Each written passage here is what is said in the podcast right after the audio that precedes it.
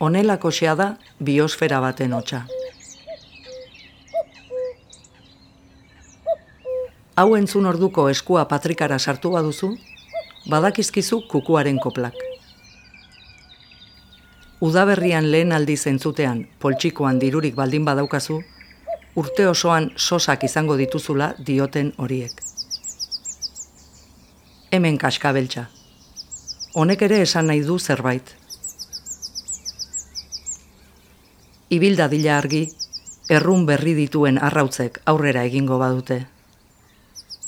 Besteren abiatik arrautza bat bota, berea errun eta ospa egiten baitu kukuamak eta arrautza horretatik irten orduko, kukukumeak abiakide dituen txitoak amildu egingo baititu, parasitatzen duen abiaren zaindariek, ahalik eta ugarien eman diezaioten jaten.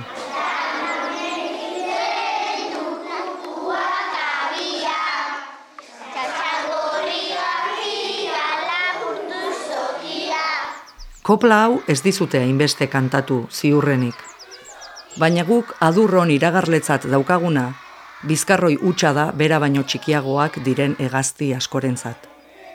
Kaskabeltz xumearentzat esaterako. Baita Guggenheim museo bat aziarazi nahi dioten urdaibaiko biosfera erreserba honetan ere. Ongi etorri, ez gatoz Paristik kultur podcastera. Parise banengo, Parise banengo, Ez nago Parisen, ez nago Parisen.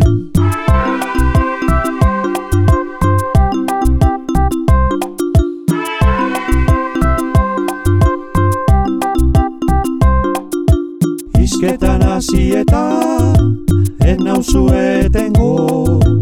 Izketan hasieta, ez nauzu etengo.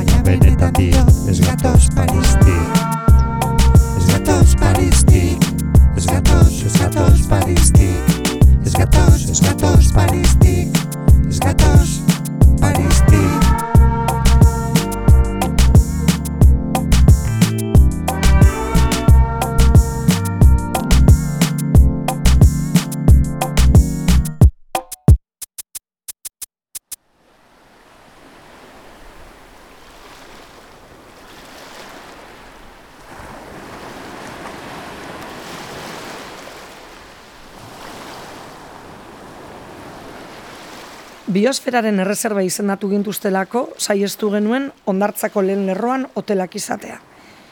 Dirua manejatzen dutenak tematiak dira ordea. Orain, erreserba izaera hori berada, turismoaren eta famaren seinale. Artearen eta kulturaren izenean dator progresoa. Batzuentzat noski, beste ontzat ardura eta miseria baino ez da etorriko. Ezin baduzu, zugura duzun hori, zugura duzun beste saldu, edo zugura duzun moduan, egon asmatu edo irabili ingelesa edo alemaniarra ematen duen marka izen bat eta makilatu dena zibismoz.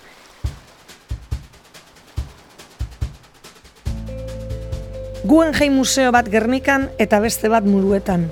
Bitartean, lau kilometro erreka ertzetik. Ez dute zer berririk esango, bide hori beti horregon dela esaten badut. Orain baina, proiektu handi baten kokatu dute dena, eta badirudi kolesterolaren zirkuitua beste zerbait izango dela. Artea eta kultura jarri dizkigute mai gainean, baina porlana eta dirua daude azpian, berriz ere egingo digute gauza bera. Gustura galetuko nieke gugen jaimeko jabea beratzei, ea urdaibaiko arteaz ezer dakiten, ea gure hizkuntza ezagutzen duten, ea santimaminen egon diren, ea abaunzatarrak nortzuk diren badakiten, edo euskal kulturaz galdetzean zer erantzungu luketen. Ze orain, kultura sari direnek astu egin dute dena dela kultura eta gure kulturak oso gutxi du masifikaziotik edo etxe bizitza turistikoetatik. Baserritarrak abandonatuta daude, asoketan. Bermeoko udalak aurreko legegintzaldian bertan bera utzi zuen eskuntzan bertzoraritza zabaltzeko proiektua. Arrantzontziak ondoratzen ari dira, gero eta gutxiago daude. Fitxak eta beratzik egin ezin duten arraun taldeak gain doaz. Zesta puntak buru atera duela dirudi, baina kanterari begiratuta ezin dugu bolanderarik bota.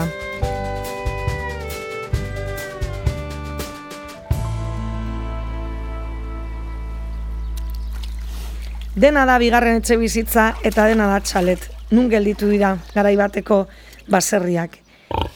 Ez dakit non diseinatutako museo bat ibegira gauden bitartean, baserriak erortzen ari dira urdaibaien. Urdaibaik urdeak eta ibaia biltzen ditu izenean, eta izanean ere bai, ze gauza. Orain ere, guztion ibaia zikindu behar dute gutxi batzuen txerria loditzeko. Historia beti errepikatzen da. Mila bederatzen dago eta mazazpiko apirilaren hogeta zeian, Alemaniako kondor legioak Gernika bombardeatu zuen Espainiako golpistek eman zuten agindua ordea. Norteari irakatzi bat emateko, sarrazki ura erakusten duen kuadroa Madrilen dago. Eta orain turismoa dator Gernikara, aldran. Zirenak jo eta bertokoak gordelekuetara sartu beharko dugu, kanpotarren mesedetan. Hemendiko gehi urtera, gordelekutik burua atera, eta suntzitutakoaren errekuentu egin beharko dugu berriro. Eta hogeta mazazpiko moduan konturatuko gara nola gehienok dena galduarren gutxi batzuek asko irabazi duten. Ezer berririk ez, txerriak berriz ere plisti-plasta gure ibaian.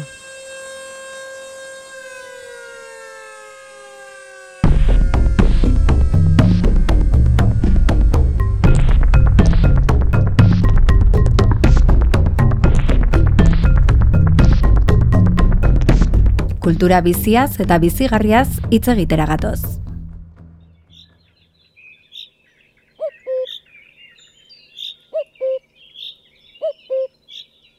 Kukuarenak Orintzaen beita entzun berri dugu. Urretxindorraren kastakoa. Umemokoa zen, Bizkaian Guggenheim Museo bat egiteko proiektu batekin kukuka hasi zirenean, duela hogeita amabi udaberri sorginorratz metaliko ura eskualdean zarataka agertu zenean. Makinak gizon kaskasuri erraldoi bat errun zuen. Thomas Krenz. New Yorkeko Solomon Guggenheim Fundazioko burua. Etxean zeukan itogin ekonomikoa istearren, dirua ekarriko zioten sukurtxalak ireki nahi zituen munduan. Bilbon ere egin nahi zuen arrautza. Joseba Zulekak idatzi zuen kronika deuna sedukzion, eta hor, Thomas Krenz lehen aldiz etorri zenean Bilbora.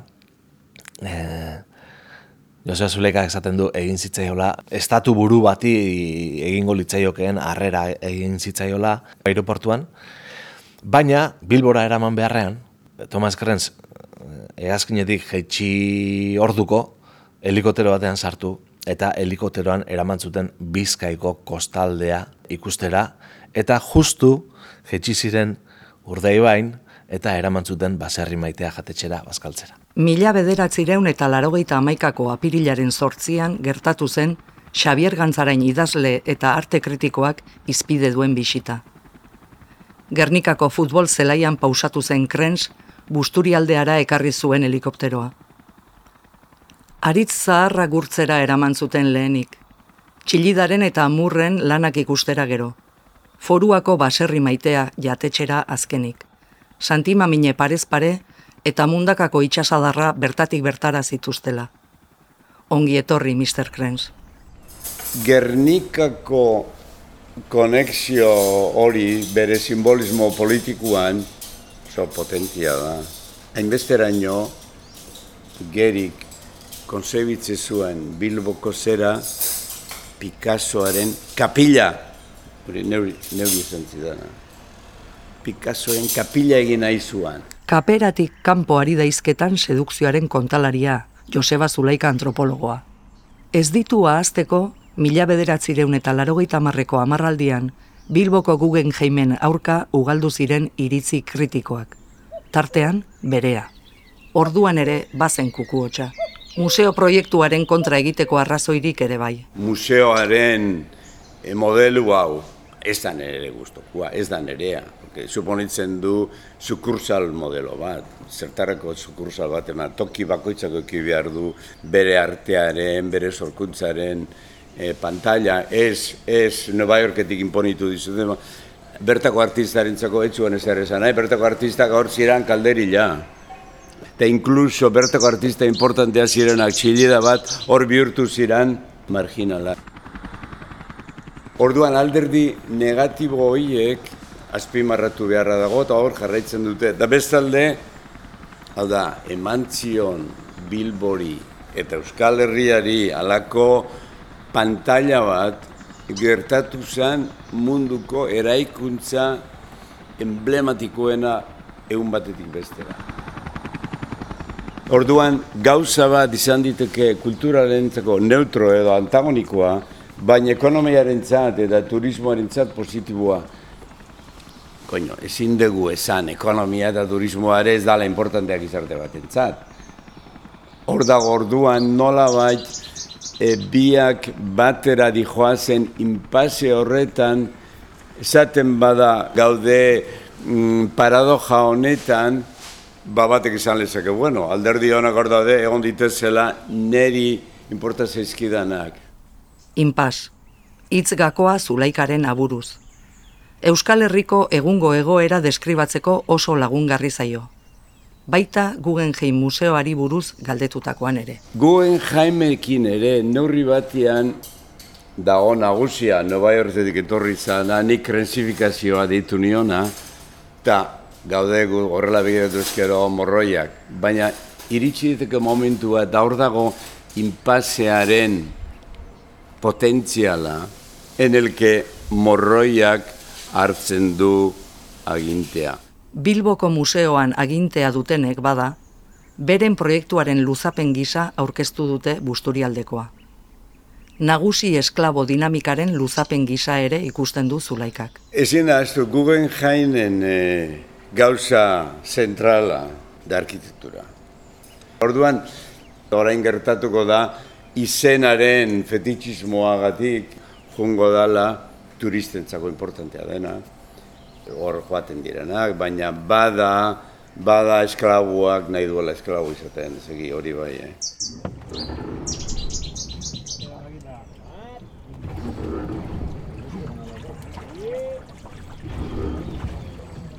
Bilbokoa ez bezalakoa litzateke museo proiektu berria. Bi egoitza lituzke, onintzaen beitak esan adigun bezala. Gernikan bat, muruetako ontziolan bestea, itxasadarraren ezkerreko ibarrean, urdaibaiko biosfera betean. Eta sei kilometro eta erdiko bide berde bat bi eraikinak lotzeko. Eun da hogeita mar milioi eurokoa litzateke faktura. Aurtengo udaberriak ekarri dizkigun udal eta foru hauteskundetako kukuaren arabera, hogeita emeretzi milioi euro utziko dituzte eskualdean, museo berria ikustera urtero sartuko omen diren eun eta berrogei mila bisitariek. Pagotxa, masifikaziorik eragin gabe gainera. Masifikatuko esbalitz ere, guk hori nahi dugu, eskori da galdera, hori behar dugu, edo nori begira dago hori eginda. Nor behar du hori? Hori hori da galdera. Eneritzartetxe aktore eta antzerkigile gernikarrarena da galdera.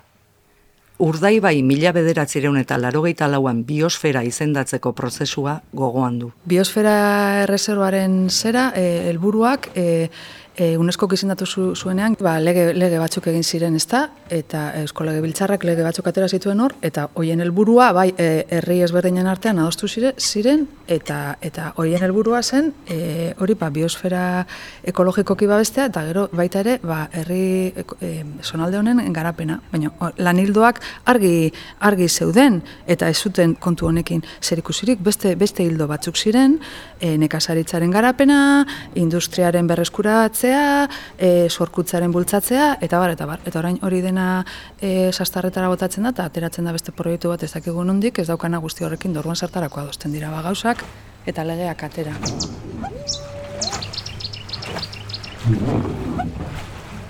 Biosferan museo bat ezartzeko proiektua etzaio onuragarria iruditzen.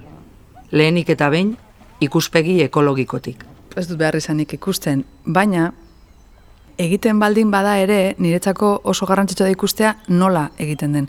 Ze, klaro, proiektu honek dauzka e, zera bi, zati bi edo, eta bat da, dalia fabrikaren iraititek lan egiten zuen e, fabrika hori alde batetik, eta hori lurra eta baita ere foru aldundiarenak dira, eta bai kontaminatuta daude, eta ba, kontaminazio hori kentzea, eta beraien asmoa izango litzateke, eraiztea eraikina. Nire uste oso betu litzateke hori berriz, berriztea, eta astrarekin egin zen bezala, ba, ba, ba, e, arkitektura bezala mantendu, eta bar, ez? Hori da gauza bat, eta beste gauza bat da, eta askoz delikatu egoan nire ustez, muretako astilleroarena, muretako astilleroa beraiek orain planteatzen duten bezala egiten baldin bada, egin beharko litzateke, hainbat lege urratuz, malbertzazioa gauzatuz, eta orduan e, inguruko bai e, kostaseko legea, bai e, urdai bai e, biosferako legeak, eta bar e, egokituz, beraien neurrira egokituz, baina leku guztietatik, orduan, e, ba, hori desastre bat litzateke. Artetxerentzako desastrea litzatekena egiteko, berrogei milioi euro gordeak ditu dagoeneko bizkaiko foru aldundiak eta Espainiak beste berrogei milioi jarriko ditu. Pesoek Monkloa eskuratzeko negoziazioen barruan hitzartu dute jeltzaleek Espainiako sozialisten ekarpena. Espainiako gobernuek eman dituen berroi milioi hoiek transizion ekologikatik atera dituzte. Bagizu zertarako den. Ez? Orduan, e, hemen ere berdin, badakigu egiten baldin bada lehentasuna izango dela horri erantzutea eta eta eta horrek ondo funtzionatzea. Ta hortarako beste nonbaitetik kendu behar baldin bada, ba, ba, ba, ba beste nonbaitetik kenduko da. Eta gero, erakunde publikoen zea da ezin da. Edo ez da gure eskumenekoa, edo ez, ez dago partida honetatik diru ateratzerik, edo ez da gize, edo ezin da, ezin da, ezin da. Baina ezken nahi denean, nahi denean, balinda. Eta orduan, egingo dizugu museo bat urdei bain.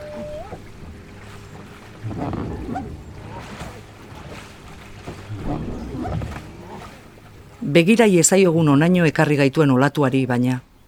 Oraintxe bertan begira dauzkagun moko zabalek, ubarroiek, ahateek, uroiloek, belabeltzek guri begiratzeko darabiltzaten begiekin. Itxasoak itxasadarra bezalaxe, Busturialdeko Guggenheim Museoaren proiektua unean uneko bagen arabera moldatu dutelako bere bultzatzaileek. 2000 eta sortzian entzun zen horren aldeko kantua lehen aldiz. Bilbokoaren pinakotekak toki gehiago behartzuelako errepikarekin. Gogoratzen dut Jose Luis Bilbaren kontu hori, nola esaten zuten e, egingo sala e, museoa koloniatan, klaro, bebekako koloniak e, hor e, sukarretan deko zenak, ba, hori da e, erekin bat ba, oso edarra, oso leku privilegiatuan dagoena, eta bar, eta ba, gutxikitan mm, joaten ginen koloniatara, eta bar, eta bai, gogoratzen dut hor hor hasi dana. Astapen arraunka hartan, proiektu egiteko eun milioi euro bazituztela esan zuen Bilbao jeltzaleak.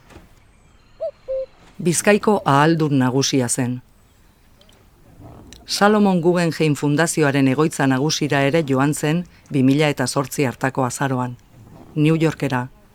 Josune Aristondo kultura diputatua eta Guggenheim Bilbao Museoko zuzendari Juan Inazio Bidarte lagun zituela. Sukarrietako proiektuaren azterketarako egutegia adostera. 2000 eta amarrerako, Bizkaiko foru aldundiak eskuartean zituen proiektuaren aldeko amabi azterketa. Herritarren diruarekin pagatuak denak. Eun eta hogeita mairu milioiko museo batez, eta urtero eun eta berroita sortzi mila bisitari jasotzeaz mintzo ziren. 2000 eta amaikan eraikuntza lanak hasiko zirela ere esan zuten. Patxi López sozialista buruzuen eusko jaurlaritzak ordea, ez zuen proiektua babestu. Eta ba, esan behar da, ez? E, Patxi Lópezek bota zuela hori atzera, argi zeukan ezetz, eta baita esan behar da, e, e, astra bera, astra, astra bueno, ba, gazteek okupatu zuten, eta herrime ekimenez eraman zen hau aurrera, eta eta guzti hori, ez? Baina, e, esan behar da baita ere, ba, Patxi Lópezek sortu zuen e, e, fabrikaz de kreazion oie, oien diru laguntzak, izan zuela bultzada bat astrarako, ez da?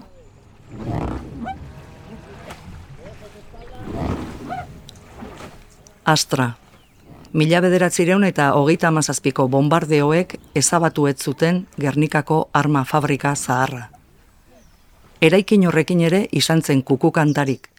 Eraisketak herriari ekarriko zizkion onurak iragarriz. Astra, zegoen, Astra fabrika zegoen eginda, herriaren erabilpenerako utzi ziren e, lur batzun gainean, e, udaletxaren plana izan zen, gazteek hau okupatu baino lehen, hemen luxusko eraikinak egitea.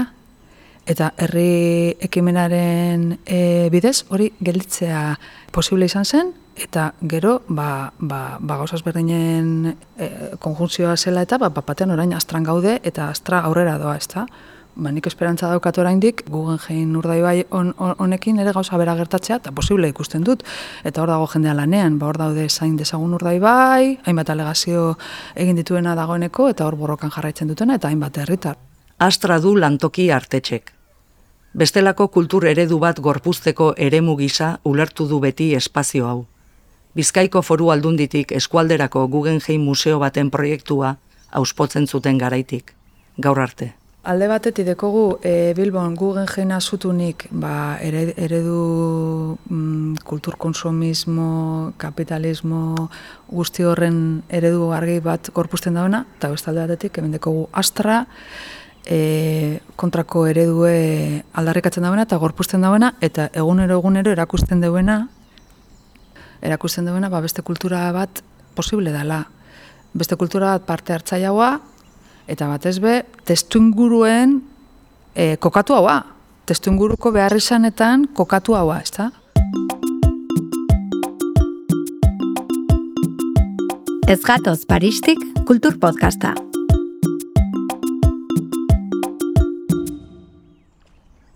Egon zen momentu bat Guggenheimen barruan Bilbo zan puntu argitzuena. Arrakasta handiena Bilbo zan. Beste Nova Yorkeko kontuak ala nolazi joa zen. Alegia Euskal Herriak amengo nik sukursal deitzen enioken protagonismo handi hartu zuan eta neurri baten Bilboko zuzendaria bidarte bihurtu zen oso protagonista zeran.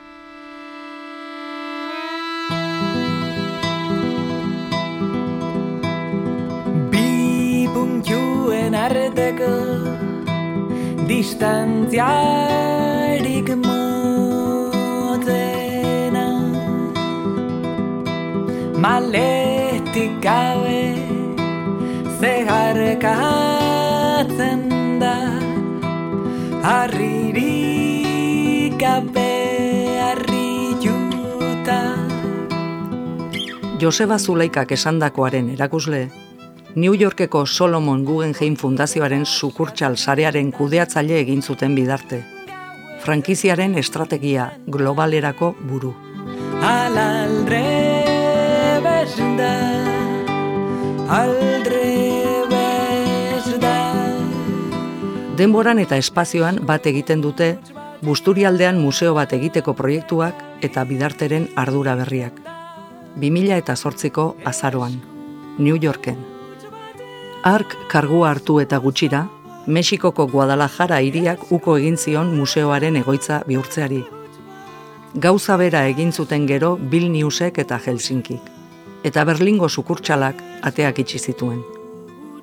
Euskal Herrian bitartean, bi egoitza izateko behar organikoaz ari zaizkigu 2000 eta sortzitik. Ba, naturaren e, e, zaintzeko zea bat, eta e, estana operazio agresibo bat, eta arkitektonikoki ere ez dena izango agresiboa, baizik eta bueno, ba, ba, landa ingurunearekin errespetuz jokatuko duena.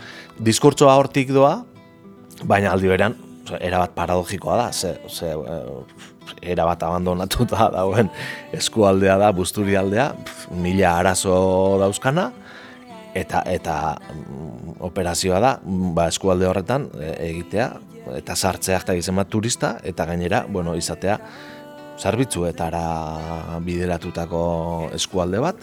Turismo merkatuaren nitxo berri bat bete nahiaz ari da gantzarain, funtxean. Sektorearen evoluzioaz. Bilbokoak eman beharrekoa eman du, ez? Orduan, beste zerbait asmatu beharra zegoen e, berritzeko eta eta jendea erakartzen segitzeko. Munduko hiri guztiak hain dira ja antzeko hiria beraen nolabait agortzen ari dela eta eta turistak ja ez du nahi e, bere etxe ondoan daukan hiri bat bezalako atopatu milaka kilometroko bidaia eginda. Orduan nahiko duena da ba, zerbait diferentea, zerbait esklusiboa, zerbait e, ez dagoena edonoren eskura. Denbora da Bilboko Guggenheim Museoak bere babesle dirudunenei esperientzia esklusiboak eskaintzen dizkiela. Eta zer esklusiboagoa eta ez iriagoa balio eta babes bereziko naturgune batean kokatutako kulturgunea baino? Paraje zoragarri bat daukazu, eh, erreserba bat, biosfera bat, surfalariak etortu dira mundakako olatu zea egitera, eta gero ez dakit eh, ze txakoli indegitan eh, bazkaltzera, eta gero eneko atxaren zean eh, jatetxean afaldu, eta bueno, ni uste dut hori dala, nolabait, eh, saldu nahi dutena edo, iruipena daukat, hori dala eh, operazio honen muina. Beste kontua da, hortarako, osea, hortan zer pintatzen duen arteak, baina, baina hori beste kontua da. Arteak, naturarekin sinbiosian, mihize lanak beteko lituzke turismoari eskainitako kuadro erraldoi berrian. Ziaboga perfektua marrazteko biosferaren urazalean.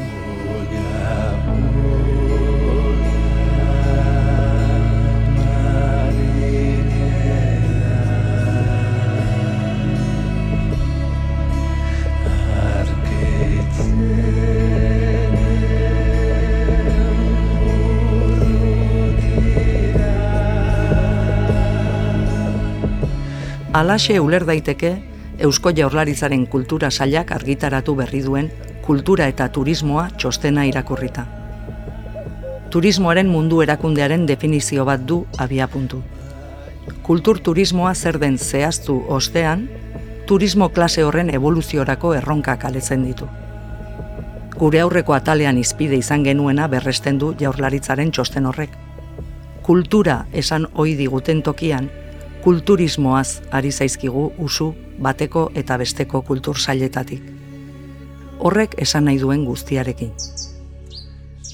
Turismoaren hauzia ez da bakarrik zenbat jende etorriko den baizik eta nola aldatzen den gure pertenentzia e, e, sentimentua. Oda, turistak ez du harremanik nahi. Eta harremana nahi ba- aldin badu da e, e, indigena hor, kaiolan, eta ni kanpoan kakauetea botatzen.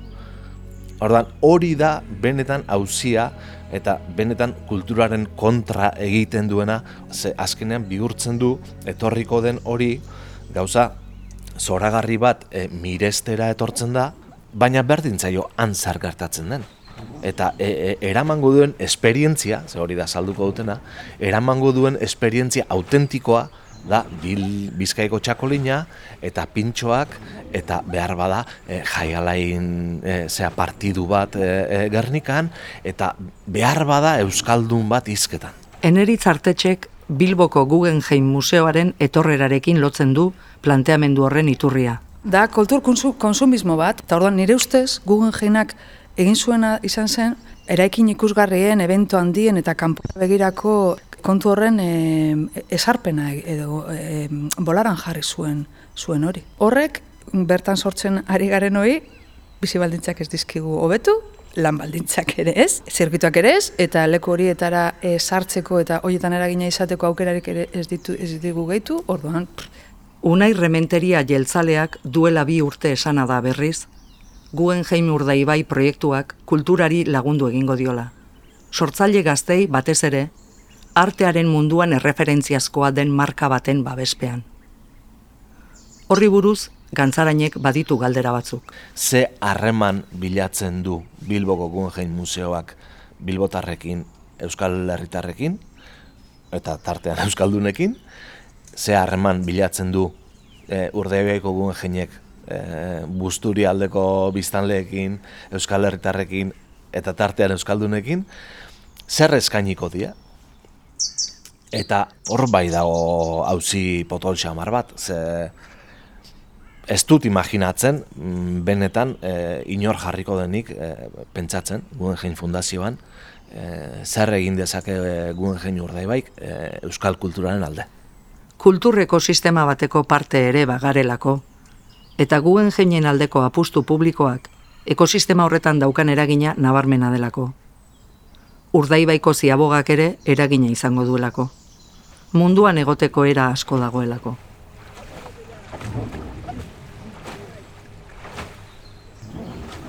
Joseba Zulaikaren ustez, Busturialdeko proiektua ontzen saiatzeak badu zentzurik. Baina Bilbokoaren aurrean ez bezala jokatu behar litzateke. Erabateko kontrakotasuna baztertuz. Podereak inponitze dizu zuri inpase batean egotean, neurri handi baten. Orduan, inpase hori bera azaleraztea. Zatea, hemen nina harrapatu, ba, hau egiten badet, ostia, bestie kontrako egiten badet, ostia. Ezin nahi zerten, egoera artikulatzen danea zera bada esklabuari dala kontzientzia hartzen. Hor listo izan behar da, eta listo izatea nik uste eh, eskatzen du analizia komplexua izatea, uler, ulertzia paradoja hauek, inpase hauek, eta tokatzen dan tokian eskatzea. Proiektua gauzatu ostean, ezertarako tarterik ba hotelitzateken, kantzarainek ez du bain argi. Jugada egin da dago. Eta jugada egin da dago. Ja jarri dizute Guggenheim bat e, urdaibain. Ja e, e, e, montatu da e, operazioa eta montatu da negozioa, eta orduan zuk hor gero ze, e, e, papurra eskatzen ibili behar duzu, burla egitea da. Da, eza, gutxietzi bertan dagoena, bertan dagoen hori abandonatu, eta gero esan salbatzera zatu zela. E, trampa handi bat, da, eta hori da nik ikusten diodan e, e, e, ezinik handiena, oda, ez da hor eragiteko modurik. Beraiek e, imaginatzen dut, ez direla hortan pentsatzen egongo, eta eskatuta ere, Osea, guk eskatuta ere, osea, zer papel jokatuko genuke hortan? Eztabaida publikoaren beharra nabarmendu du artetxek. Eta eztabaida hori gertatzeko lehendabiziko e, baldintza da denak informatuta egotea, ez? Informazio hori eskuen artean izatea eta hemen informazio askorik ez da zabaldu, ez da garrentasunik egon eta eta proiektu honen nondinorakoak zuzeneak negoziatzen ari dira foru aldundia, ea jotako herrietako alkateen eta New Yorkeko e, bulegoen artean. Orduan, nahi dugu, benetan? Demokrazia benetekoa bada jendearen opinioa jakin berko litzake, zezatuan jendea.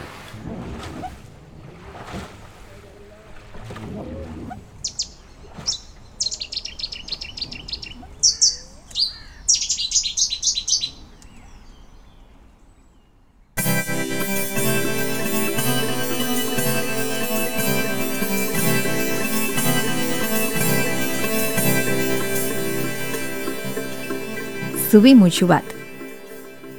Gaurkoa, Peru galbetek emana. Bueno, nik itziar ugarte irizarren gugabe ere liburutik hartu dut haupeko kantua izena duen poema bat. E, e, bueno, ematen zuen ja izen batik aurre ikusia zegoela agian kantu bilakatuko zala eta eta, bueno, e, zergatik aukeratu dudan, ez, ez dakit ondo, batutan intuizioz jokatzen dut argi dago asko gustatzen e, poema badala, hitz egiten du bueno, liburua bera bezala ere, uf, altxorra handia daude eta eta ni honekin geratu naiz, e, uste darako mm, bueno, buruan eukan melodia bazi joala pixkat e, hitz egiten dunarekin, intimidadeaz e, ari da, haupeka kantatzeaz, eta bueno, pues, e, uste dala zerbait e, segituan, mm, bueno, e, nire azalean ere bizitzen dudana eta eta pixkat hortik ez, ba, kantatzean ere lehenengo norberari ari, ari da bat kantatzen ez, eta gero agian bestei eta opeka kantatzea, bueno, beti e, izan dudan zerbait da, eta bueno, kantuan ere nola ez sartu, sartu dudana. E, beraz, ba, hori espero gustatzea, eta edo ez, bestela. baino ba, pozik erronkarekin eta gogoz e, denek entzun dezaten.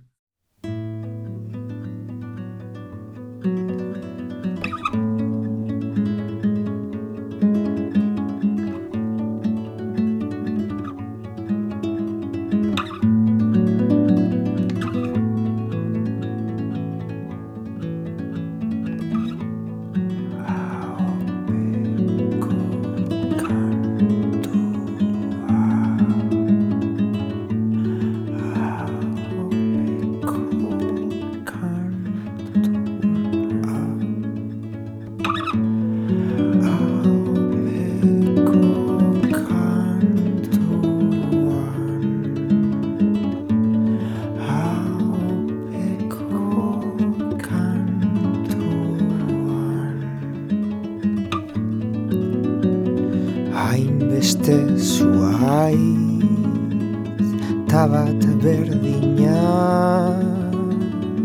Ez den bezala Soik norberak Daraman munduak. Gertukoenaren Urrinean ere Zertu ezin bizi oi duen nork Bere adar berritan Nor ari den opeko Kantuan, kantuan Dena isiltzen denean. Untxik den etxean Zu ez beste inor gabe Saratzean, saratzean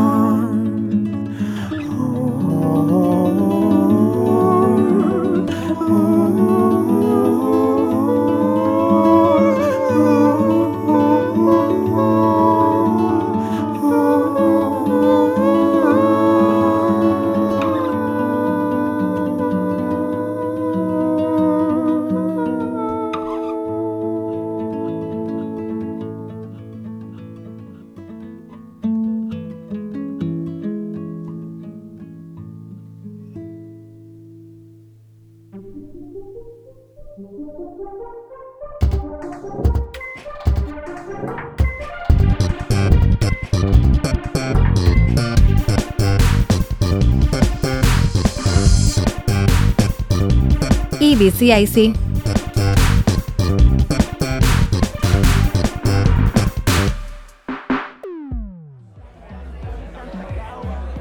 Barkatu, bikaina, barkatu, alduzunean bi... Orantxe naiz zurekin, bai, Pampos? Pampos, zer naiz ni? Arantxa horreta bizkaia. Barkatu! Zuantzara idazlea! Haietako bat, bai. Ez esan! Eh... Naiara... Ainoa, Ainoa! Ai! Ainoa sarriu arte! usan solo... Usan solo! Usan solo! Ispilu aurrean idatzi zuena! Joder! Bai, bueno, moztu hilea. hori, hori, hori, hori. Eh, no moztuko duzu bestela, ispilu aurrean ez bada, eh? Kriston arrakasta, ez? Irakurri duzu? Ez, baina erosita daukat, eh? Ilea moztu, nire hogei eurakoak gastatu nituen durangon. Hiru mojito zor dizkiazu, gutxienez. Ba, esango diazu alako batean irakurri. Barkatu, alduzunean bi... I, izan daitezela hiru. Banator! Segundu bat, upel aldatu behar dugu. Ez dakit ze eskatu duzun, baina ni a muerte zurekin, eh? Idazleok badakizue edaten. Respect! Jo, ze ilusioa! Beti agertzen zara paperetan. Zu! Zu! Aberaztu arte! Edizio pilo bat, ez? Zenbat ale saldu dituzu hilea moztu horretatik? Moztu hilea? Ba, ez dakit ondo egia esan. Venga, ez zaite zapala izan irekin. Amar mila? Ez, ez, ez, hainbeste ez. Bost! Iru milatik gora. Ah, gehiago zirela uste nuen. Eh, Irisko! Gurea zer! Bano ala, Pampos! Zer, zergatik pampos? Iru mila ale eta kristoren totxoa da.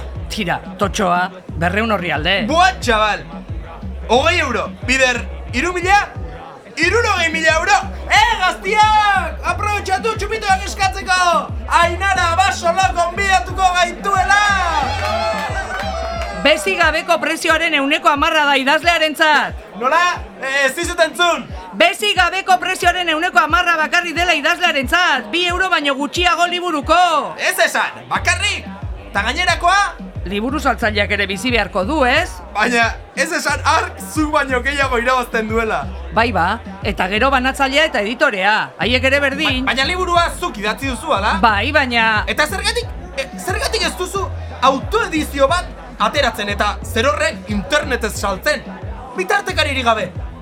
Begira, nahi baduzu, nire nebak webgunek egiten ditu. Eta berak Ja, eskatzen bat... ja, ez didazu zure izena esan. Ah, barkatu.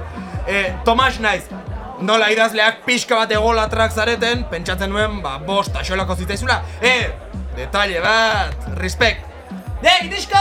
Eta zertan egiten duzu lan, Tomas? Idiskoren gremiokoa naiz, tabernaria.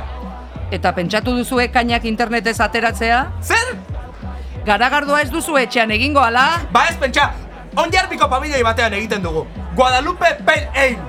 Kristoren margen ematen digu. Ai, ai, ai, ai, nere, ze panorama, eh? Bueno, ze, nire nebaren telefonoa emango dizut azkenean? Aio, edo? pelaio.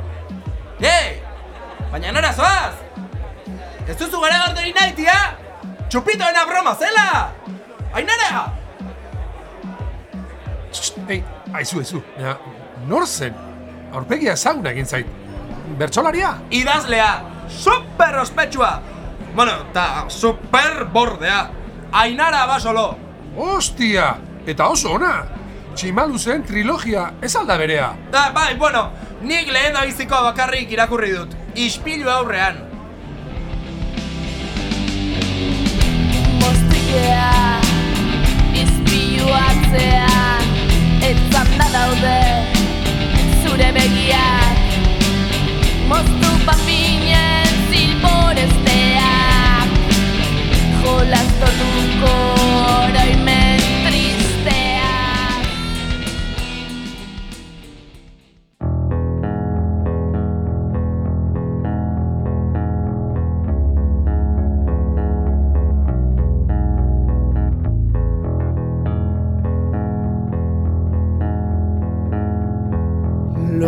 Lokatzez gainezka etxea Ibaiak ez da egin